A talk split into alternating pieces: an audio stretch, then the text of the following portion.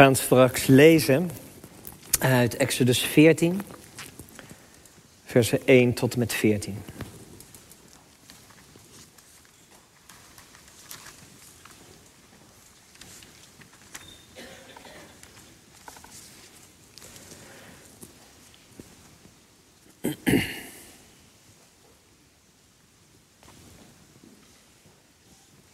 Even bij wijze van, uh, van inleiding bij het schriftgedeelte. Uh, we hebben natuurlijk het over de verhalen van Mozes. En we hebben een verhaal gepakt van, van de geboorte van Mozes. We hebben een verhaal gepakt uh, van het midden, hè, de, de brandende braamstruik. En nu hebben we een verhaal aan het, aan het einde van die eerste periode in Egypte. En ik ga even deze een klein beetje hier vanaf zetten. En ik zat te denken in, in, voorbereiding op dit verhaal dat, dat ik dit vaak hoor. En ik weet niet of jullie dat herkennen. Um, ik vind het lastig om te geloven, want zoveel verschil zit er niet tussen mij en mijn ongelovige buurman of buurvrouw. Kennen jullie dat? Hebben jullie die wel eens gehoord? En dan zeggen ze van, joh, dus wat is er nou waar aan het geloof? Wat maakt mijn geloof me nou anders? En het is waar dat, dat die opofferende liefde van God, die, die we, we hopen dat door ons heen gaat stromen als we gaan geloven, dat, dat we, we vaak daarin nog niet eens zo heel erg veel verschillen. En dat er mensen buiten de kerk zijn die dat veel beter begrepen hebben dan wij mensen binnen de kerk. Je zou hopen dat we in zo'n nauw contact leven met God dat zijn liefde van ons afblinkt, maar de werkelijkheid is weer barstiger. Is het dan op, op geloof, op, op, op, op het, het kennen van de verhalen en te zeggen, daar wil ik mijn leven naar richten? Is het daarop dat wij zoveel verschillen met de mensen om ons heen? Ook dat durf ik te betwijfelen. Want uh, er zijn hier zeker mensen uh, voor wie het geloof altijd een vaststaand gegeven is. Of die zo'n sterke godservaring hebben in, in hun verleden, dat ze zeggen van joh, hier kan ik mijn leven lang op teren. Ik weet het zeker. God is er, want hij was er voor mij op dit en dat moment. En er zijn ook mensen hier die zo'n sterke basis hebben meegekregen in het geloof dat ze hun leven lang dat gewoon rotsvast vast weten te houden. Maar ik durf de stelling wel aan dat de meeste mensen die hier aanwezig zijn genoeg twijfelen. Het lang niet altijd zeker weten. Dat het misschien wel met dat basisvertrouwen goed zit, maar dat, dat al die randfactoren over die verhalen die je zou moeten geloven, en, en, dat het daar ergens spaak loopt. En je toch altijd ook een stuk twijfel met je meeneemt. Of misschien zeg je nou, die verhalen daar heb ik niet zo moeite mee. Dat, dat basisvertrouwen, daar zit het bij mij verkeerd. Om, om wat ik heb meegemaakt. Om, om, omdat ik daardoor ben gaan twijfelen. En misschien is het zelfs zo dat je God aan de kant bent gaan zetten. En misschien benoem je het naar anderen als intellectuele twijfel, maar zit er ten diepste eh, een boosheid naar God. Dat je niet gezien bent. Dat Hij er niet was voor jou op dat moment. Het verlangen dat je waard bent dat God tijd voor je maakt. Liefde, daarin verschillen we niet zoveel.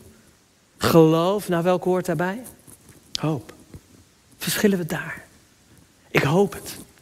Ik, ik hoop dat wij op dat punt verschillen. En, en de preek vandaag gaat dus ook over hoop. Dat we daar de grootste verschillen aantreffen. Want ik denk dat, dat als iets ons apart zou moeten zetten. Als mensen van het geloof, als mensen van de weg, als, als mensen die van Christus zijn, dan is het de hoop. En is dat niet wat we keihard nodig hebben? In deze tijd van oorlog, hoop op vrede. In tijd van een, een, een, aardbeving, hoop op herstel. In tijd van een klimaatcrisis, hoop op een nieuwe wereld. Hoop, dat zouden we toch moeten hebben. En is het niet zo dat, dat, dat als dat geloof kan wegvallen en je nog een hele tijd door kunt leven? Dat, dat, dat zelfs de liefde kan wegvallen en dat dat nog een tijd onzichtbaar blijft. Maar als je hoop wegvalt, als je denkt, ik, ik weet het niet meer, er zit geen toekomst meer, in, in mij, in de wereld om me heen, in deze situatie. Dat je dat direct ziet. Mensen zonder hoop. Als we dat worden, dan, dan gaat er echt iets mis. We, we moeten toch blijven hopen dat, dat, dat er een hoop is voorbij de wanhoop waarmee we dagelijks geconfronteerd worden. Dat, dat er een God schuil gaat in dit alles die uiteindelijk zegt, ik zal alles recht maken. Alles komt goed. Alle AK-47 die nu in de Donbass rondhangen, zullen omgesmolten worden tot lepels waar we elkaar mee zullen voeden. Als we dat niet meer zouden hebben. Kijk, natuurlijk loopt het allemaal door elkaar heen. Hè? De, uh, je hebt, je hebt vertrouwen nodig, een basisvertrouwen, geloof om een ander lief te kunnen hebben. Je hebt, je hebt, je hebt liefde nodig om het vertrouwen te kunnen hebben in de ander. Het loopt allemaal door elkaar heen. En zeker ook de hoop zit daar overal dwars doorheen. Maar hoop is essentieel. Als wij mensen zijn zonder hoop, niets is zo verscheurend als dat verlies van hoop. En daar komen we het verhaal binnen. Daar komen we het verhaal binnen. Het, het verhaal begint op het moment dat mensen hoop hebben gekregen en dat al die hoop vervlogen lijkt. Exodus 14. De Heer zei tegen Mozes: Zeg tegen de Israëlieten dat ze omkeren en hun kamp opslaan bij Pihagirot, tussen Mikkedol en de zee. En jullie moeten je kamp recht tegenover Baal Zephon opslaan, vlak bij de zee. De farao zal denken dat jullie de weg kwijt zijn geraakt en de woestijn niet meer uit kunnen komen. Ik zal ervoor zorgen dat hij onverzettelijk blijft. Zodat hij jullie achtervolgt en dan zal ik mijn majesteit tonen door de farao en zijn hele leger ten val te brengen. En dan zullen de Egyptenaren beseffen dat ik de Heer ben. De Israëlieten gehoorzaamden. En toen aan de farao, de koning van Egypte, bericht werd dat het volk gevlucht was, kregen hij en zijn hovelingen spijt. Hoe konden we Israël laten vertrekken? Nu zijn wij onze slaven kwijt. De farao liet zijn strijdwagen inspannen en verzamelde zijn krijgsvolk. Hij nam de 600 beste wagens van Egypte mee en ook alle andere, stuk voor stuk bemand door officieren. De Heer zorgde ervoor dat de farao, de koning van Egypte, onverzettelijk bleef, zodat hij de achtervolging op de Israëlieten inzette, die vastberaden vertrokken waren. De Egyptenaren volgden hen en haalden hen in bij Pihagirot, waar het volk van Israël zijn kamp had opgeslagen, dicht bij de zee tegenover Baal-Zephon. Toen de Israëlieten de farao zagen naderen met al zijn paarden, wagens en ruiters en al zijn voetvolk, werden ze doodsbang. En ze riepen de Heer luidkeels om hulp. Ze zeiden tegen Mozes: Waren er soms in Egypte geen graven dat u ons hebt meegenomen om in de woestijn te sterven? Hoe kon u dit ons aandoen? Waarom hebt u ons uit Egypte weggehaald? Hebben we niet al in Egypte gezegd: laat ons toch met rust, laat ons maar als slaven voor de Egyptenaren werken? Want dat is altijd nog beter dan om te komen in de woestijn. Maar Mozes antwoordde het volk: Wees niet bang. Wacht rustig af. Dan zult u zien hoe de Heer vandaag voor u de overwinning behaalt. De Egyptenaren die u daar nu ziet, hier, zult u hierna nooit meer terugzien. De Heer zal voor u strijden. U hoeft zelf niets te doen. Woorden van de Heer. Zalig zijn zij die naar het woord horen en er naar leven.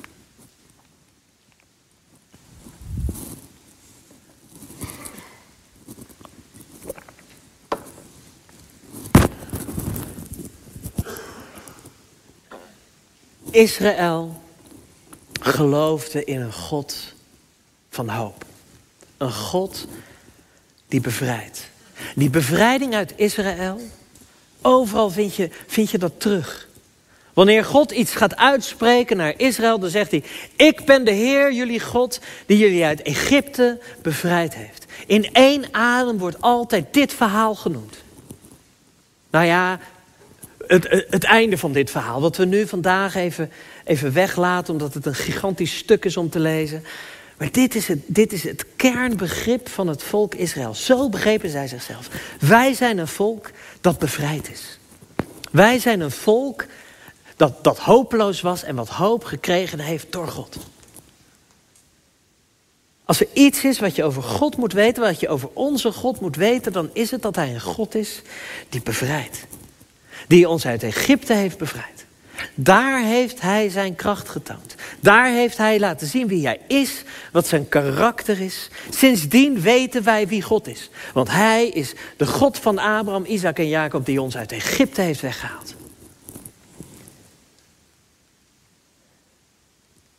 En, en dan zien we eerst hoe onwelkom de hoop is. Hoe heftig het is om in die situatie van generaties lang uitgebuit te worden. Van, van, van, van de moord op je kinderen. Generaties lang wanhoop. En er komt iemand die zegt, ik geef jullie hoop. Ik ga jullie uit Egypte wegleiden. En ik kom namens, namens de God die zegt, ik ben er. En, en, en hier voel je die wanhoop als, als de hoop die, die Mozes schetst, valse hoop lijkt te zijn. Dan hoor je die onwelkomheid van de hoop. Waarom gaf je ons hoop? Waarom? Waarom zijn we meegegaan? Waarom? In Egypte moesten we zwoegen, werden we geslagen, hebben we getreurd. Maar in, Egypte hadden we tenminste niet wat jij ons kwam brengen. Namelijk hoop. Want dat was wat jij ons gaf. Hoop. Jij wekte in ons een verlangen dat het anders kon. Dat wij een, volk zouden zijn met een toekomst. Dat er ergens anders een land was waar wij in vrijheid zouden kunnen leven. Jij schetste dat en wij trokken met jou het land al. En kijk ons hier. De zee ligt voor ons. De Egyptenaren. We zien de wolken van het leger al op de achtergrond aankomen. Hoe durf je? Hoe durf je ons zulke valse hoop te geven? We hebben de, de, de botten van Jozef meegenomen in een sarcofaag, meegedragen omdat we zeiden dat we dat gingen begraven in het beloofde land. Nou Mozes, in Egypte waren genoeg graven. Had Jozef lekker laten liggen en ons ook. Dat verleden van slavernij, verdriet en strijd.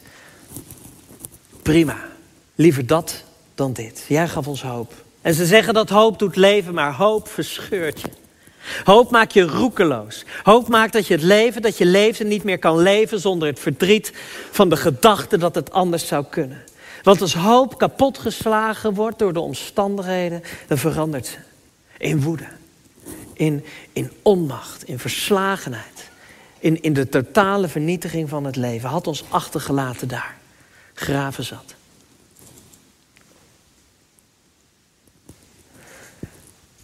Prachtig hoor. Hoop.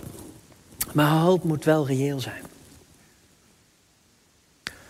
Hoop moet wel reëel zijn. Het, het moet ergens een, een binding hebben in onze werkelijkheid.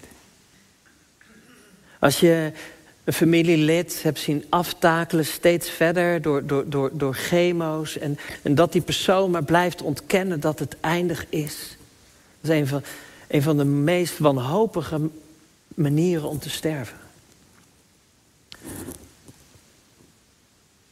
Hoop moet, moet, toch, moet toch iets nog in de werkelijkheid blijven. Iemand die niet inziet dat de strijd verloren is, maakt uiteindelijk ook zichzelf tot schande. Tot welk punt moet je blijven hopen? Ook als er menselijke wijs geen uitzicht meer is. Op 3 februari was ik uh, bij een begrafenis. Een begrafenis waarvan ik al wist voordat ik hier begon dat die zou gaan plaatsvinden.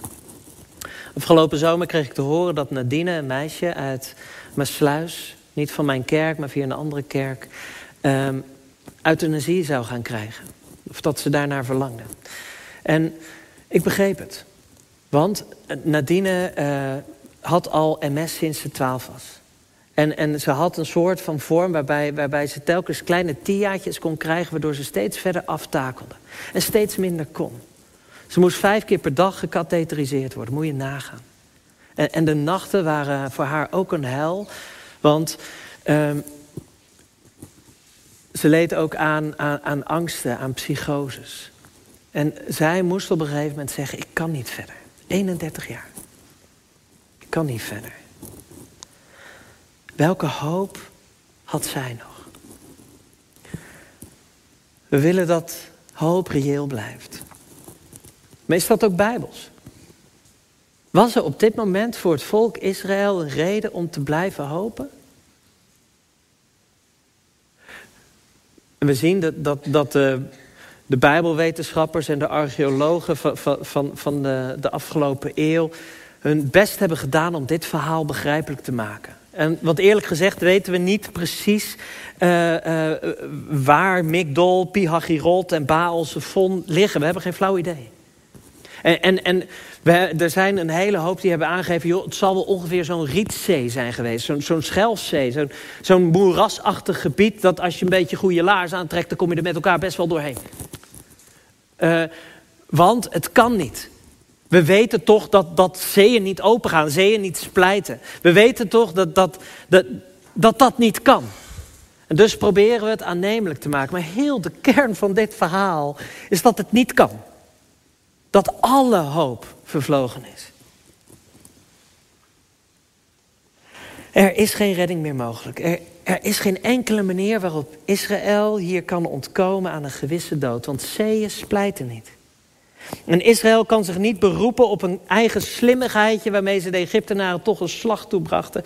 Nee, hoe onbegrijpelijk ook, het is Adonai, de Heer, hun God, die hun hier gebracht heeft, die besluit om op deze manier zijn majesteit te tonen aan Egypte en zijn kinderen.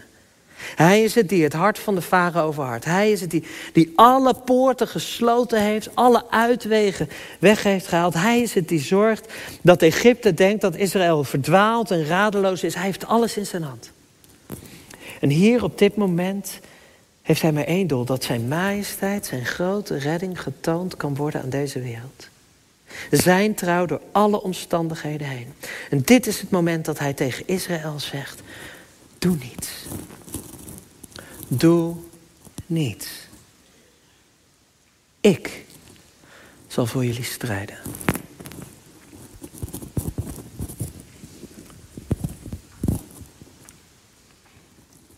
En dat is de hoop van onze God. Als het gaat over de hoop die, die, die in ons gestalte zou moeten krijgen, de hoop die, die, die, die, die ons zou moeten bepalen als mensen, de hoop die als een lichtzee hier vanaf kruispunt de wijk in zou moeten vloeien, is dat er een hoop is voorbij alle menselijke omstandigheden. Dat er een hoop is die verder gaat. Dat er een vreugde is voorbij de wanhoop. Dat zelfs de meest uitzichtloze situatie uiteindelijk een situatie van hoop kan worden. Want God redt. Dat is zijn karakter. Dat is wie hij is. That's how he rolls. God redt, maar zelden, helaas, op een manier die wij prettig vinden. Of zelden op een moment dat wij kiezen. En vaak is er voor onze redding iets volstrekt tegennatuurlijks nodig. Namelijk dat wij ophouden zelf onze eigen redding te proberen te zijn. Toen ik uh, Nadine sprak, een heel aantal keer gesproken in, in, uh, de aanloop naar haar sterven, vroeg ik haar, hoe, hoe kijk je tegen tien namaals aan? Waar hoop je op? Dus ze zat al uh, jaren in een, in een, rolstoel die steeds, steeds groter werd, als het ware. En weet je wat ze zei? Zei ja, ik, ik, natuurlijk hoop ik te kunnen dansen. Maar weet je wat ik vooral hoop? Dat ik voor God mag knielen. Dat, dat ik die, die, diezelfde geborgenheid die, die ik van huis uit heb meegekregen... dat ik s'avonds als kind aan mijn bed zat te knielen... ik hoop dat ik mag knielen. Voor alle hoop, voor alle dingen die ze kon doen... met een stel goede, opgewekte knieën... zei ze, mag ik, mag ik knielen? En ik moet zeggen, die uitvaart op 3 februari is een van de meest hoopvolle, liefdevolle, krachtige diensten geweest die ik ooit heb meegemaakt. Ze werd begraven in een mand waar bloemen in gestoken konden worden. Er was op geen plek zoveel leven als daar. Dat is onze God. God redt voorbij alle omstandigheden. Voorbij onze wanhoop. En, en ik, ik hoop dat het in de meeste gevallen niet is op de manier van Nadine. Want ik had goud geld gegeven om die mooie meid uit de rolstoel te zien opstaan. Maar God redt. God is een God van hoop. Dus als jij in een moment zit, misschien nu of op een later moment, dan waarop alle hoop vervlogen lijkt, dan hoop ik dat je wil laten voeden door de verhalen van onze Bijbel. Verhalen van ons woord. Waar het steeds weer zo is dat wanneer alle hoop vervlogen lijkt, God redding brengt. Op het moment dat hij Gideon roept, zegt hij van joh, zo min mogelijk mensen. We gaan 10.000 Filistijnen verslaan, maar met zo min mogelijk mensen. Want ik wil dat iedereen weet dat ik het ben die redding gebracht heeft.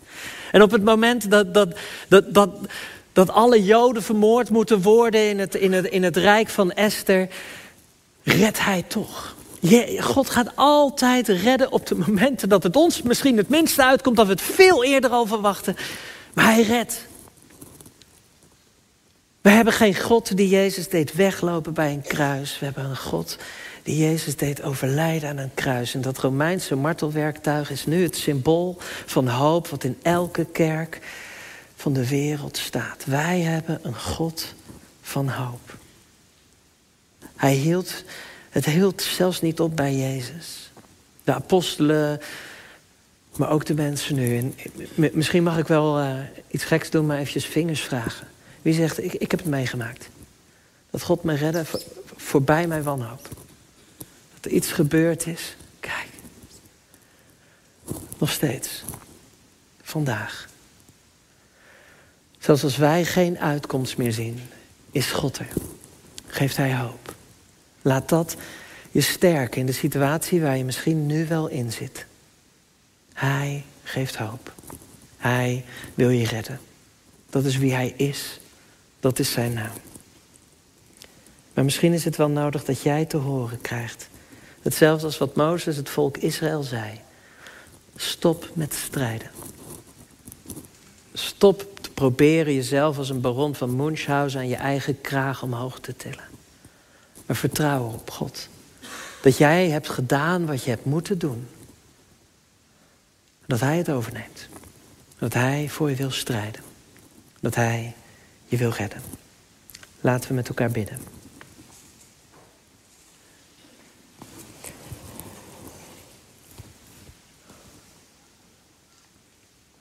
Heer, u geeft een toekomst vol van hoop. Een hoop die, die voorbij ons voorstellingsvermogen gaat.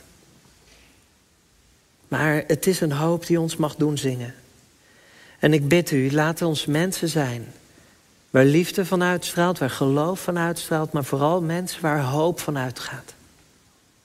Een hoop die we weer aan andere mensen kunnen geven. Dat er altijd een uitweg is.